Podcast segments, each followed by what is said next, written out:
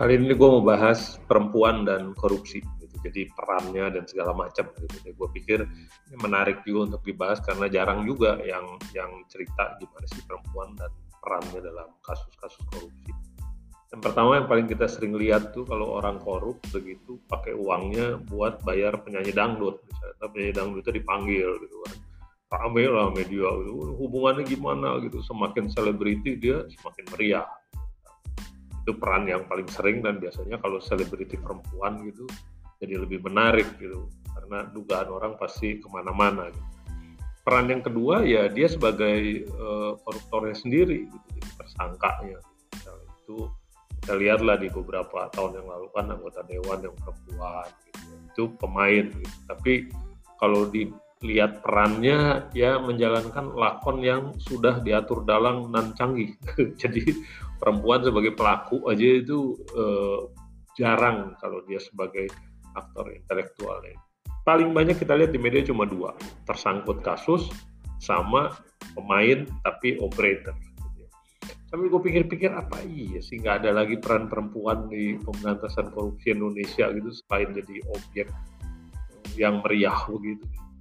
Akhirnya gue pikir gini, ada sebenarnya. Tapi ya namanya peran. Lu bisa peran negatif, bisa juga positif gitu negatif, peran perempuan yang negatif ini secara nggak langsung.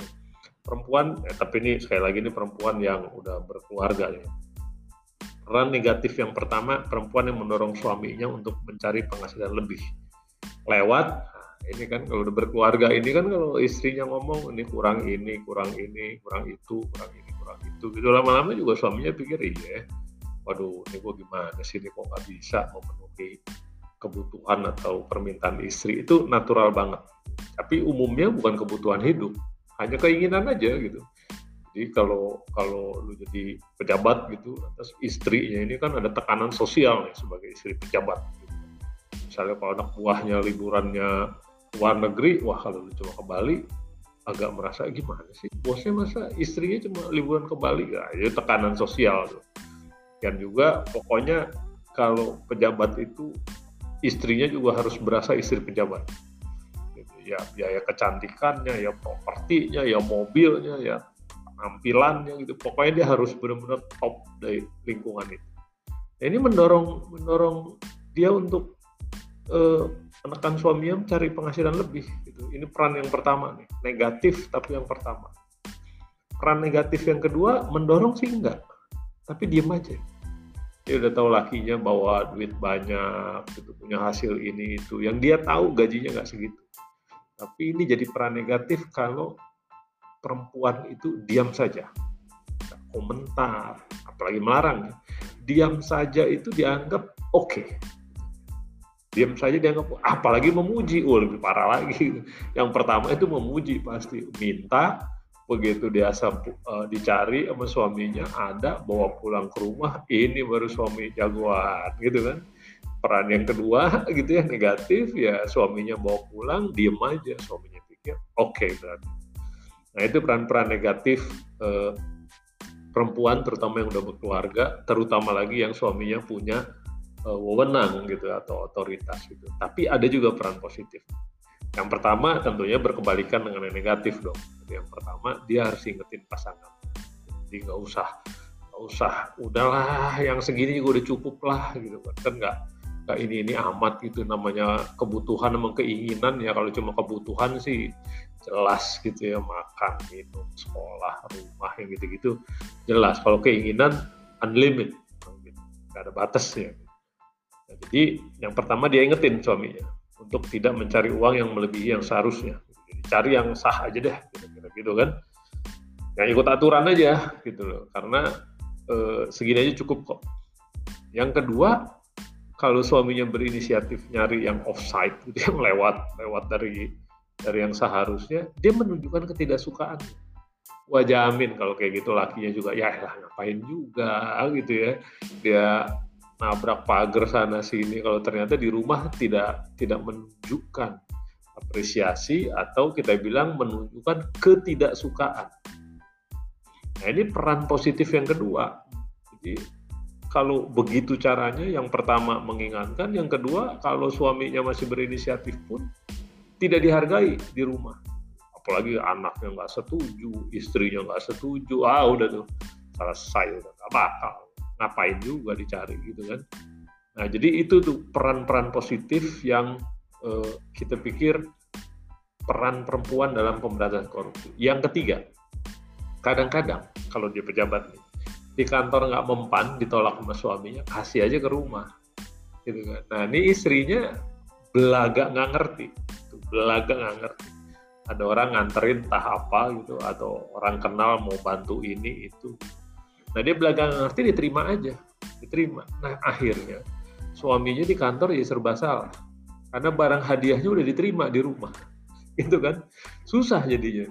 Nah makanya peran yang ketiga ini tolak. Kalau ada orang yang tiba-tiba baik hati ngasih nganter apa ke rumah gitu minta membantu ini itu. Itu kalau terkait dengan pekerjaan suami tolak aja langsung jangan belaga bodoh gitu jangan pura-pura nggak tahu gitu. Karena ini salah satu modus gitu.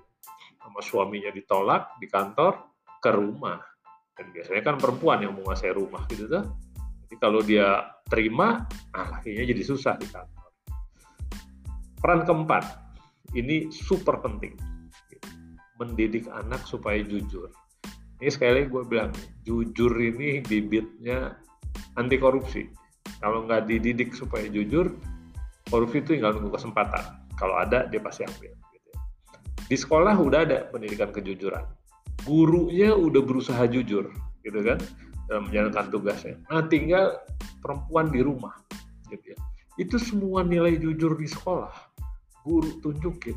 Itu bisa hancur sekaligus kalau perempuan di rumah atau ibu gitu, menghancurkan nilai itu. Simple aja. Kalian nanya anaknya, lu ranking berapa gitu kan, sekian gitu. Oh nggak bisa lebih gede lagi, ya udah mampu ya. Lu ngapain kayak lu nyontek kayak apa? Atau anaknya cerita gitu kan, ya, dia karena nggak nengok sebelah, jadi nilainya cuma 7. Kenapa lu nggak nengok sebelah? Gitu. Nengok dong. Atau secara demonstratif gitu, mau terima rapot gitu, datang ke sekolah, ngantar buat gurunya entah kado entah duit bahkan dan anaknya tahu jadi anak kan bisa mengukur juga nih. Dia pikir oh oke. Okay. jadi sebenarnya sekolah ini yang penting nilainya tinggi. Caranya nggak penting. Mau itu harus ngasih kado ke guru mau harus nyontek itu nggak penting cara. Nah kalau anak yang udah dapet berdasar pengalaman dia lihat sendiri orang tuanya rajin ngasih hadiah ke guru gitu. Orang tuanya mengokekan tindakan bahwa nengok ke temen cari bocoran itu oke. Okay. itu ke depan udah susah nih orang-orang kayak gitu. Anak-anak yang dididik di sekolah dengan baik begitu pulang ke rumah dapat nilai-nilai yang lain itu hancur nilai-nilai. Gitu ya. jadi yang dia bilang dididik ibunya untuk mengabaikan nilai kejujuran yang penting hasil. Kerja keras itu nggak penting kalau kerja ringan hasil baik maka hasil yang utama. Tinggal tunggu waktu aja sama kesempatan someday dia pasti akan korup dalam berbagai bentuk. Nah ini peran perempuan juga ada di sini. Peran perempuan ada. Jadi siapa bilang perempuan perannya kecil dalam pemberantasan korupsi? Mau peran negatif? Boleh. Mau positif? Ada perannya. Dan penting semua. Tinggal pilih. Gua sih ngarepin ayo dong perempuan-perempuan Indonesia gitu kan ikut berperan gitu. kalau apalagi kalau pegawai negeri ini ada strukturnya ada PKK lah ada dharma wanita. Kenapa ya nggak nggak ditanamkan gitu? Kita berperan loh. Perannya positif tapi ya itu gue yakin tuh para suami juga pasti terpengaruh besar dengan uh, perempuan yang memutuskan untuk mengambil peran positif. Semoga